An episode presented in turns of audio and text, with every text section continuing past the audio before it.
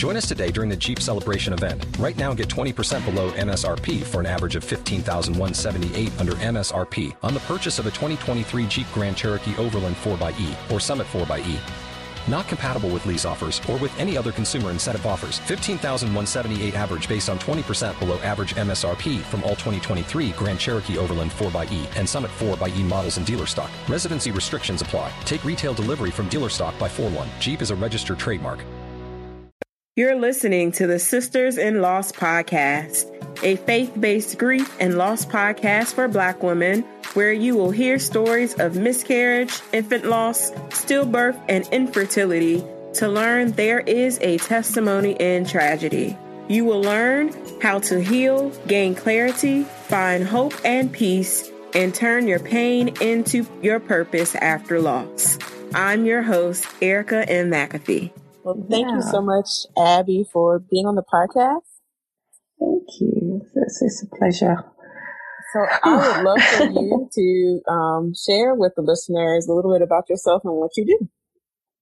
Okay, so um, yeah, I'm Abby, I guess. I live in London and I'm a wife and uh, now a mother of one. Um, I am an optometrist by profession. I also own a, a cultural urban clothing line as well. So I'm pretty busy. That's pretty much what I do. awesome. Awesome. So take us back on your journey to motherhood and share with us your lost story. Okay. Wow. Okay. So, um, I'll take you back to 2015 where I got married in May, um, that May of 2015. And, um, yeah, it was, it was, a lovely wedding and just literally what, you know, I, I could have wanted. Um, literally we started our lives together and, you know, we, we were just looking forward to the future, just like the two of us. And then the following month, um, I noticed that my period didn't come and that I was spotting, but usually my period is quite regular. So this was literally probably about six weeks after we got married. And I was like, no, there's, there's something up. So I was like, mm, could it be? And then I was like, let me just take a, a test. Just, and I, to be honest with you, I bought the test just thinking to myself, it is negative. Like, I don't know why I thought it was negative though, because it's not like we weren't doing what newlyweds do. So it was like, um, why would you think it's going to be negative? But it, it came back positive and I was literally stunned. Like, and I don't necessarily think it was the emotions I wanted to feel when I got pregnant. It was, it's so weird because now when I think about it, I'm like, why wasn't I excited? Because I was there thinking, oh my God, I've just got married. I'm not going to be able to spend time with my husband as just the two of us. A baby's going to come in and, you know, but not actually even looking at it from the side of, do you know what, thank God I was able to get pregnant. It's not like I don't know, um, people or situations where they've had it difficult, but that wasn't what came to mind. You always think of what your own situation was. And I was probably just being a bit selfish and thinking about me and, oh, I want to go traveling and do this and that with my husband first. And then, cause, you know, I'm a planner, so I had it all planned out in my head. You know, I'll get pregnant maybe by the end of the year. Is it, you know, how we do as women, but that wasn't to be. So anyway, I then, um, tell my husband and he was, you know, a lot more excited than I was. And he kind of just like allayed my fears and just told me, do you know what? We'll be fine. Like, you know, and after he said that, he was happy. It kind of helped me sort of like, you know, get happy as well. So I, I kind of changed the way I felt towards it and, and I started to embrace it a lot better. And then, um, we didn't actually tell anybody at all. But, and because I was spotting, I was like, this is, I don't know if that's normal. So I obviously went to Google, started looking at Google, why am I bleeding? And I saw something about implantation bleeding. I was like, okay, so maybe it's normal, but let me book an appointment anyway. So I booked an appointment with my GP, which is general practitioner, um, a doctor, just to, you know, let them know and just to confirm everything. And when I went, they were like, this is not really the right place for you. You should really go to the early pregnancy unit, which we call EPU. I'm sure you probably call it something similar as well. Um, so I went there on the same day, luckily, and you just have to sort of like wait your turn. And they saw me, went in, um, they took my bloods to obviously measure your pregnancy hormone level, HCG levels, and um, they took that. Then they took me into a room to scan me. The person that was scanning me scanned, but she was like, mm, "Can't really see anything very much substantial here. Maybe it's just too early." So I was like, "Okay, cool." you know, none the wiser, never been pregnant before, kind of, you know, just in, just kind of like, yeah, okay, just taking whatever anyone told me because everything in that situation was foreign to me, if I'm honest. So I left. Well, we both left. Me and my husband, we left. And he went to work. I had the day off that day. So I remember going to meet my friend for a little bit of shopping because she was from in from out of town. And so while we were shopping, I got a call from the um, early pregnancy unit, and they were like, um, "Hi, um, you were in earlier this morning, and we took your blood levels, and you had a scan, but what your blood levels are saying is that there should be a lot more um, showing on your scan than what we've seen. So we really would like for you to come back in." And I was like, "Okay," and they were like, "Please, can you?" As it's quite important that you come back tomorrow if possible. And I was like, no problem. I'll come. Then she was asking me, you know, was I feeling any pain or anything? I was like, no, no I feel fine. So I went there, still none the wiser. I'm not thinking of anything untoward. I went and, um, the following, yeah, that following morning we went in. My husband and I sat down again. They took us into the room and, um, they scanned me again, but this time it was a lot longer. And I remember feeling a little bit uncomfortable, thinking, oh God, what's taking them so long? What's taking them so long? The lady looked so serious. Um, and then she stopped. Then she went out of the room and called somebody else in, which I now know was the doctor.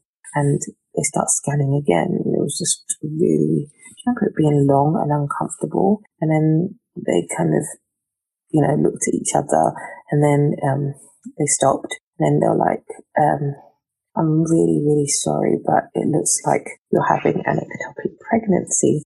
And I was like, what? Ectopic pregnancy? What's that? Kind of thing. To, if I'm really honest, I had never heard or registered that word before in my life. So it was completely foreign to me at that point. I'd heard of miscarriages. And so to me, if it wasn't a miscarriage, then maybe it's not so bad. So, um, she was like, yeah, you're having an, it seems like you're having an ectopic pregnancy. And then she explained what it was that the pregnancy wasn't in the right place, that yes, I am pregnant, but the pregnancy isn't in the right place, that it's in my fallopian tube. And so naive Abby says, okay. And she was like, well, we'll need to do surgery. And I was there thinking, okay, so you're basically going to move it to the right place. That's literally the thoughts I had in my head that that's what's going to happen. And then she was like, unfortunately, the pregnancy is no longer viable which means that we will need to operate to remove the pregnancy alongside your fallopian tube because it's damaged because of this that's happened. It was like, when she said those words to me, I was like, what? Like, how? Uh, I, I, I, was lost. I, I, I honestly, I don't think it fully resonated with me. I looked at my husband. He just looked, he was looking at me like, with sadness and like he was like, you know, just there kind of holding my hand because he, he too, we both were not fully, you know, versed with what an ectopic was. It just seemed like a lot of information really quickly. And they were like, you know, we're going to give you a bit of time, but we will need to operate on you today because if it ruptures, it could be life threatening for you. And we don't want that. So we all need to get you ready to go into surgery today. So for me, it was like, it was really overwhelming. I just remember crying, a lot of tears, and just saying to my husband, call my mum, call my mum. Because you know there's some things that you literally just want your mum there. And this was definitely one of those times because not, not that she could save my baby or anything, but I just wanted her to be there. I was like, just as I was getting to terms and being excited about, you know, potentially in nine months' time I would be a mum, I'm now being told that you we're going to have to operate and we're taking away the pregnancy. So fast forward, my mum comes, you know, more crying, more sort of like, we don't know what's, a bit confused, a bit more explanation from doctors. Then they, you know, more family came as well, just for support. And eventually I did go into surgery to um, have it done. And they removed my left fallopian tube. And yeah, it, it was, it was, it was hard to kind of come to terms with. I, definitely won't lie. Um, after the operation, I felt, I don't know, I, I, I, I was still happy and, you know, on the outside, but something inside definitely had changed. I was, I had some really down days and then other days I'd be fine. You would never know that anything would have happened. I'm an extremely private person. So other than like my mom and my sisters, and then like maybe one or two, two friends, I think I told, but one was even a bit later. Literally nobody knew. I didn't want any pity. I didn't want anyone to know about it. I, I kind of felt like I'd done something wrong or, you know, like, you know, just I don't know. I just felt off about it in, in some kind of way. And then literally I just thought, okay, I'll just try and get pregnant again. Some months I'll be like, yes, I'm going to do this. I want to do this. Other months I didn't even want any physical contact at all. Like, and it wasn't because I was not, you know, in love or anything like that. Cause I was because my husband was so kind and so like understanding and, and just there. Like even during the hospital, what my sisters were like, "Your husband, you know, your husband was so good." Like he kept saying, "Ah, uh, um, you know, make sure my wife is okay. Make sure my wife is okay." To the doctors, and that just really touched me because it just meant to me that there's nothing that, that he wanted me more than anything else, you know? And yeah, I'll forever be grateful for that. So he was definitely a huge support for me. My family, I, I don't know what I would have done without them during this whole period. So we kind of got back to life as you possibly can. And, you know, um, yeah, but my head was just all over the place at some points. But yeah, you just carry on. You learn how to kind of adapt to how you're feeling and things like that. So fast forward to November that same year, 2015, I um, find out I'm pregnant again. And yeah, I, I was like, oh, that's good. But this time I thought, oh, definitely, you know, they told me already after my appointments, you know, you have your follow ups after the ectopic. They were like, you know, um, yes, you could potentially have it again, but most people go on to have their children and have no issues. I was thinking that will be me. No, no problems. I'll, you know, this time it'll be fine. Went in, but this time it said as soon as you find out you're pregnant, you need to come straight to the early pregnancy unit. We will scan you immediately. Don't worry about the timing or anything. We will scan you. So I went in, um, and this time I said to my husband, you know what, go to work. It'll be fine. Um, I will call you. You know, it's not going to be an issue. Everything's going to be fine. So uh, the line was quite long as well. So I was like, there's no point in us both sitting in this long line. I will sit, you go to work. So he went and um, they eventually called me in and literally it was the exact same room where they told me the first time. And I don't know, I just felt some kind of way that was like, I was, they, it was, I can't lie, I was fearful. I was, I, I was, I was fearful of even getting pregnant actually. I was, I, I know what it, yeah, I was just fearful. I, I know that it was fear and I prayed. I remember praying to God, but sometimes, you know, when you're so scared, like I remember being a bit cold, like kind of like shivering and just almost holding my breath throughout the whole scan and just hoping for the best. And they were scanning, scanning, keeps kept scanning again. And it was almost like deja vu, literally. Then she stopped, calls another nurse in, or maybe a more senior nurse. She's like, mm, this looks, possibly this looks like it could be a chocolate cyst, but you know, you're, you are definitely pregnant, so I'm going to need to get another opinion. And then, um, they call a doctor. I'm sorry. They, they carry on scanning. Then I heard those horrible words. I'm sorry. Those two words, I'm sorry.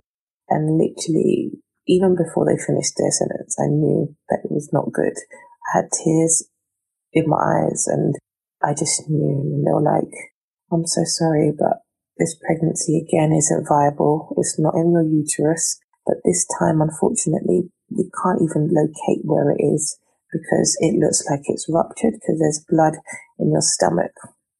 So we're going to need to operate. Literally, I just remember just getting onto the floor and crying and crying and crying and literally calling my husband through tears, come back, come back, come back, come back. And I don't even know how he did it, but he got back in record time and he was literally there. I'd called my mum as well and I was a mess. They were just talking and all I was thinking is, wow, I'm going to be infertile. They want to remove my second tube. What is this? Like, God, why? What have I done? Like, I must have done something so bad for this to happen. And um, they, they were like, yeah, we're going to need to operate. It's all I kept hearing. I was like, but I've only got one tube left. Yep, we need to operate. And then my mum was like, no, let's go for a second opinion. And you know what? Sometimes you think, God, you're so wonderful because it's that that made us move to another hospital. And I now believe that it was God that orchestrated everything in that, you know. So we went to another hospital just for another opinion. And I also knew I had doctor friends in that hospital. So they kind of arranged for me to be seen quite speedily. And so we went there to that hospital it's quite away from my house. I remember the bus journey like it was yesterday. It's probably the worst journey I've ever been on in my life. I remember just being like a little girl sitting next to my mum on the bus and literally my head was in her lap. And I just kept saying to her, Mommy, what have I done wrong? Like, I was just so upset. Like, I just, yeah, mm, I think about it and I can't actually say what I've been through without having tears in my eyes, you know, because it was a lot. It, it was, it's a lot for somebody to deal with, you know. And so, um, yeah, we were on that bus journey and we got to the hospital and they take me straight up. I get scanned within minutes and they're like, yeah, you're, you've had another ectopic and this time it's vital that we operate now. It's ruptured. There's a liter of blood in your stomach and it's just a miracle that you're not in pain, you know? And we don't know where it is. So we're taking you to surgery and the chances are we will need to remove your, your remaining tube. I was just devastated. I was like, wow, not even a year of marriage and I'm infertile. I'm going to be infertile, you know, literally I spoke to the doctor or surgeon and that came to sort of talk to us and he was going to be part of the team operating.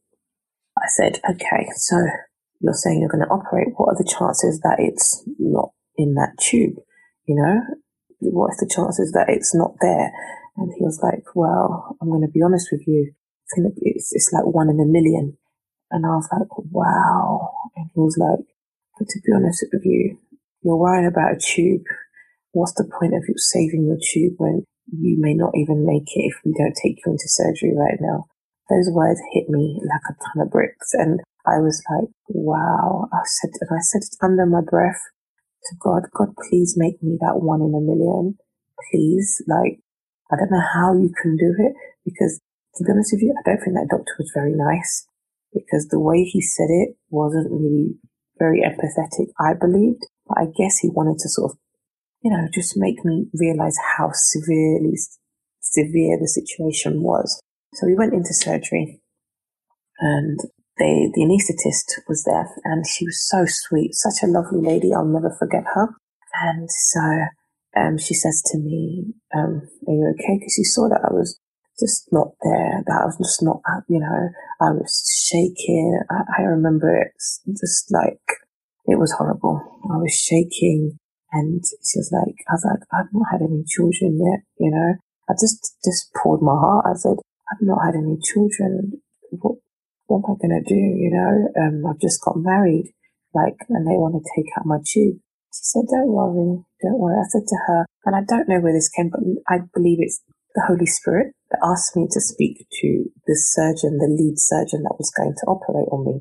So I did. And, um, the surgeon was like, I said, can I speak to him? And he was like, yeah, sure. Okay. It's not really the norm, but I speak to him, she said. And so he came over and I was like, please. He was an older man actually. I was like, I've not had any children yet. You know, please do the best for me that you can. Treat me as if I was your daughter.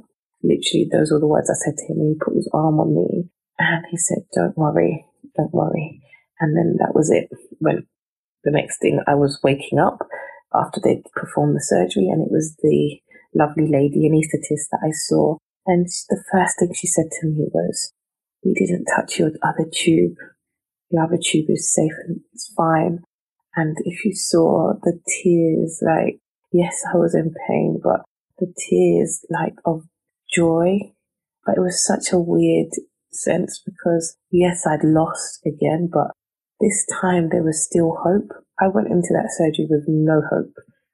I was just like, but coming out to hear that my tube was still saved, it was like God saying, I've got you. I've still got you, you know, and yeah, I remember the next day, that same, the same doctor that was told, telling me one in a million, he was like, I don't know what sort of prayers you prayed, but wow, literally. And I was like, God, you're awesome, you know? And yeah, I just went, you know, I started, I had to do my whole recovery again because, you know, you get the incisions. I had three incisions and till today I still have them on my stomach area. Um, my war wounds, as I call them. Um, yeah. And yeah, you just kind of get on with life as you, as you can, you know. And at this point, I was under the hospital. So, because they wanted to know why I was having a recurring ectopics, and they were like, unfortunately, this time it happened because the first time they didn't do it properly. They didn't, you know, seal it off properly. So it was the the fallopian tube wasn't cut off to the root. Instead, they left a bit open, which meant that you could still get pregnant, which is what happened there. So following from that, every consultant or doctor I spoke to, they were like, Oh my God, you're just so unlucky that it happened to you like that. You know, and it was almost like they were insinuating there was some level of, you know, not, I wouldn't say malpractice, but negligence on the first operation. So that was all, you know, there as well. But I didn't really even try to pursue that. I was just not there for that. I just wanted a baby. I just wanted my baby. I was like, wow.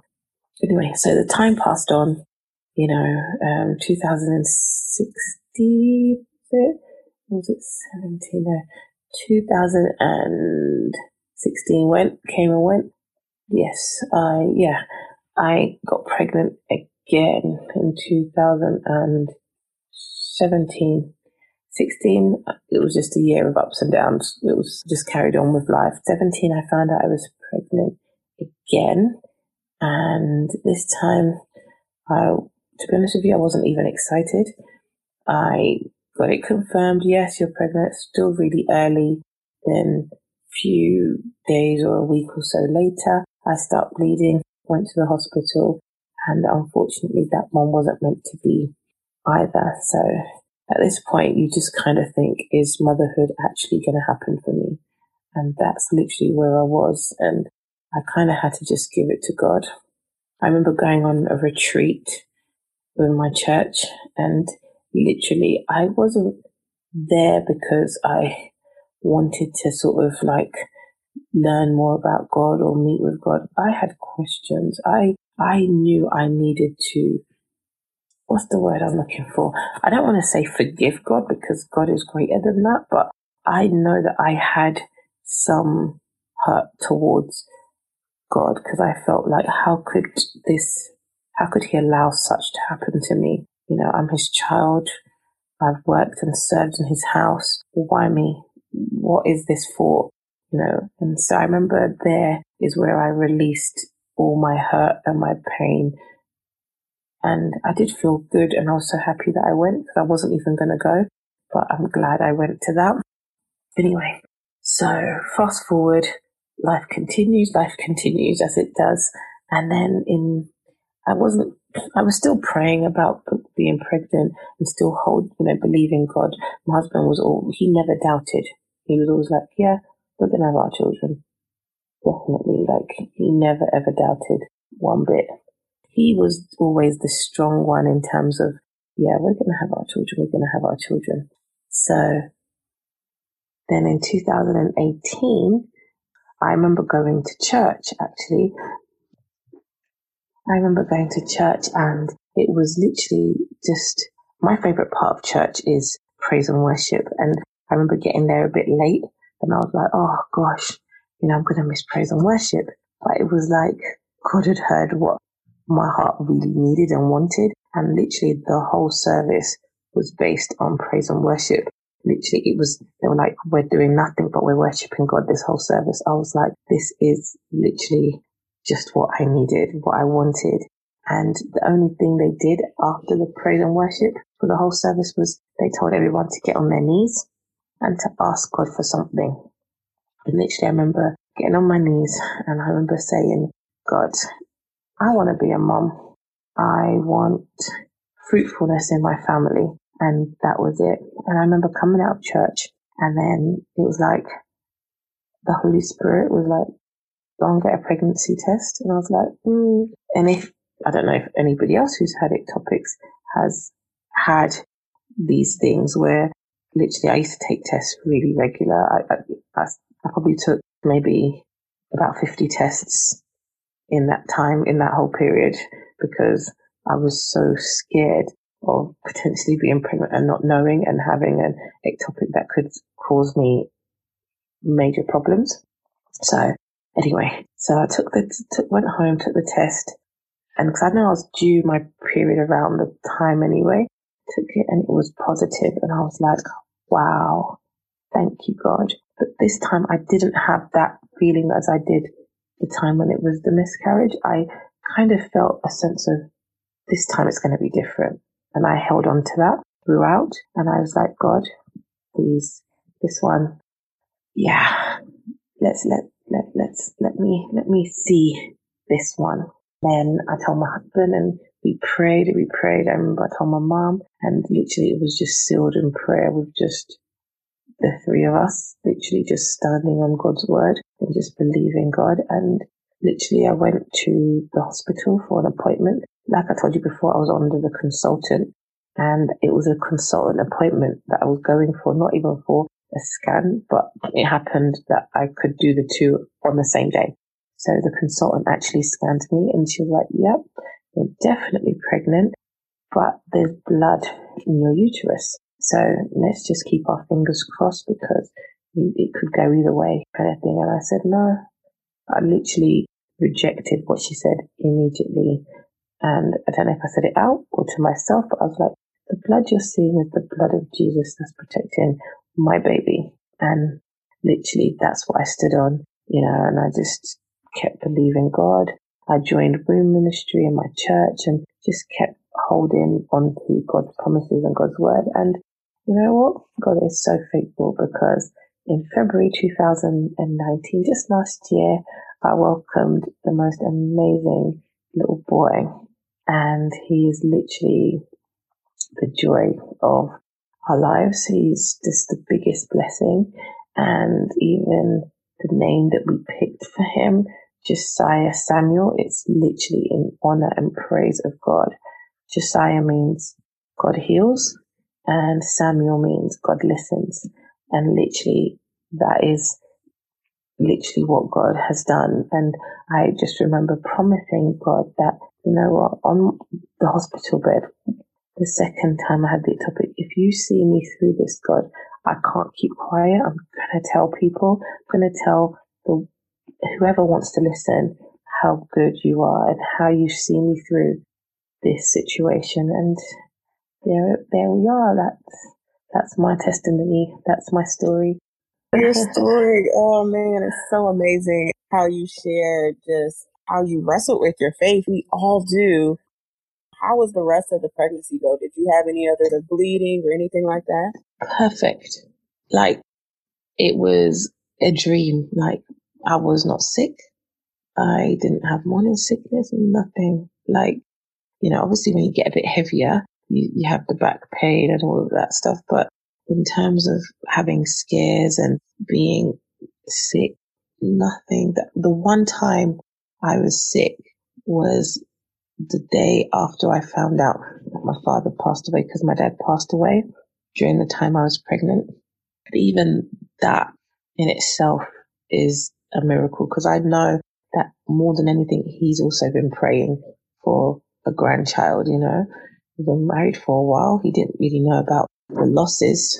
He was like, you know, I want, you know, you to have a grandchild, have a grandchild. I want to have a grandchild. So, um, I remember two days prior to him dying, I spoke to him. That was the last time I spoke to him. I was like, Daddy, and I don't, and it was God, definitely, because I wasn't going to say, I was thinking, I'm going to see you soon. I'm going to see you soon. So I don't really need to tell you. I'll tell you face to face. But it's like God kept saying, no, you need to tell your dad tonight.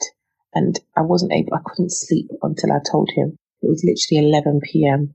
that I was, I was like, you know what? Okay, God. And just called him. I was like, I've got a secret to tell you, but you can't tell anybody. And I was like, I'm pregnant. And he was like, wow. Like he was so happy. Like this was the 4th of September and he died on the 6th. So that in itself is uh, a blessing. And yeah, that was, the pregnancy was amazing. The birth itself was a miracle too, because I literally went from one or two centimeters, she kept saying. We were going back and forth, back and forth for a while a few hours. She was like, no, you could probably, you probably give birth the next day. I literally went from stage one labor, which is when, when you dilate to fully dilated in 26 minutes. Like the baby came out.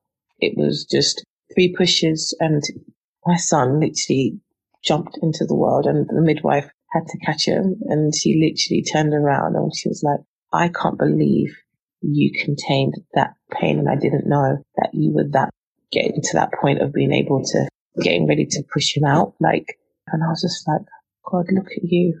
Like, how, if she knew my backstory or my history, her to say that to me was like the most beautiful words. And so, yeah, I just give God the praise because his word doesn't lie. As you know, he will carry us through whatever situation that we are going through, that He will be there to see us through. And, and He did.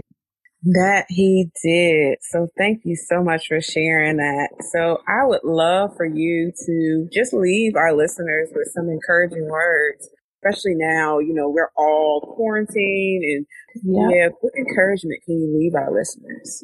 I would say, hold on, like, you know, be like Jacob and do business with God. Don't let go until He blesses you. Just, it is hard. I'm not, I can't even sit here and pretend to you. Do you know what? Something always kept me afloat and it was the grace of God. And just stay close to Him. I listen to a lot of worship. I read.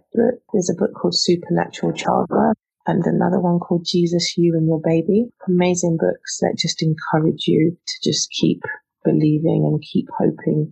He, he will come through for you. He will. If he can do it for me, he can do it for anybody. So I'm believing God with you. Absolutely. So where can our listeners connect with you after this episode airs?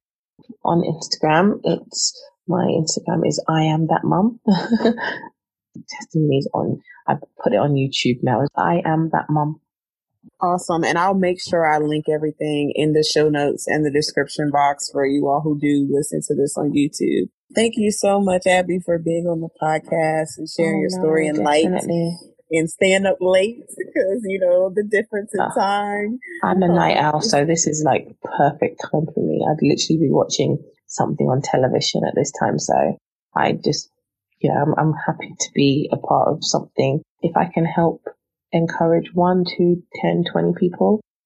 Um, so I think it's Ecclesiastes mm-hmm. 5, 11 which says in his t- he makes everything beautiful in its time. So that is my sort of scripture that I've held on to. And he did. He made everything beautiful for me. And if he can do it for me, he will do it for each and every one of you too. And just it's Ecclesiastes three eleven. Yeah. Yeah, he has made everything beautiful in its time. He has also set eternity in the human heart. Yet, yet no one can fathom what God has done from beginning to end. That's, yeah, that's what I have highlighted as my sort of scripture. Yes, I love that. I love that scripture too. So definitely you all meditate on that scripture and follow her on Instagram and then go back and watch her YouTube video because that's how we connected. Thank you again so much, Abby. I appreciate Thank you. Thank you, Erica, for giving me the time and the platform. Thank you so much for listening to today's episode. For show notes and more information on today's guest, go to sistersinloss.com. If you have not joined our online community, go to sistersinloss.com as well as sign up for our newsletter we want you to be a part of the community so you can know all of the events that we have planned on as Sisters in Loss. Go to sistersinloss.com, sign up for our newsletter, join our online community, and stay connected with us. Talk to you soon.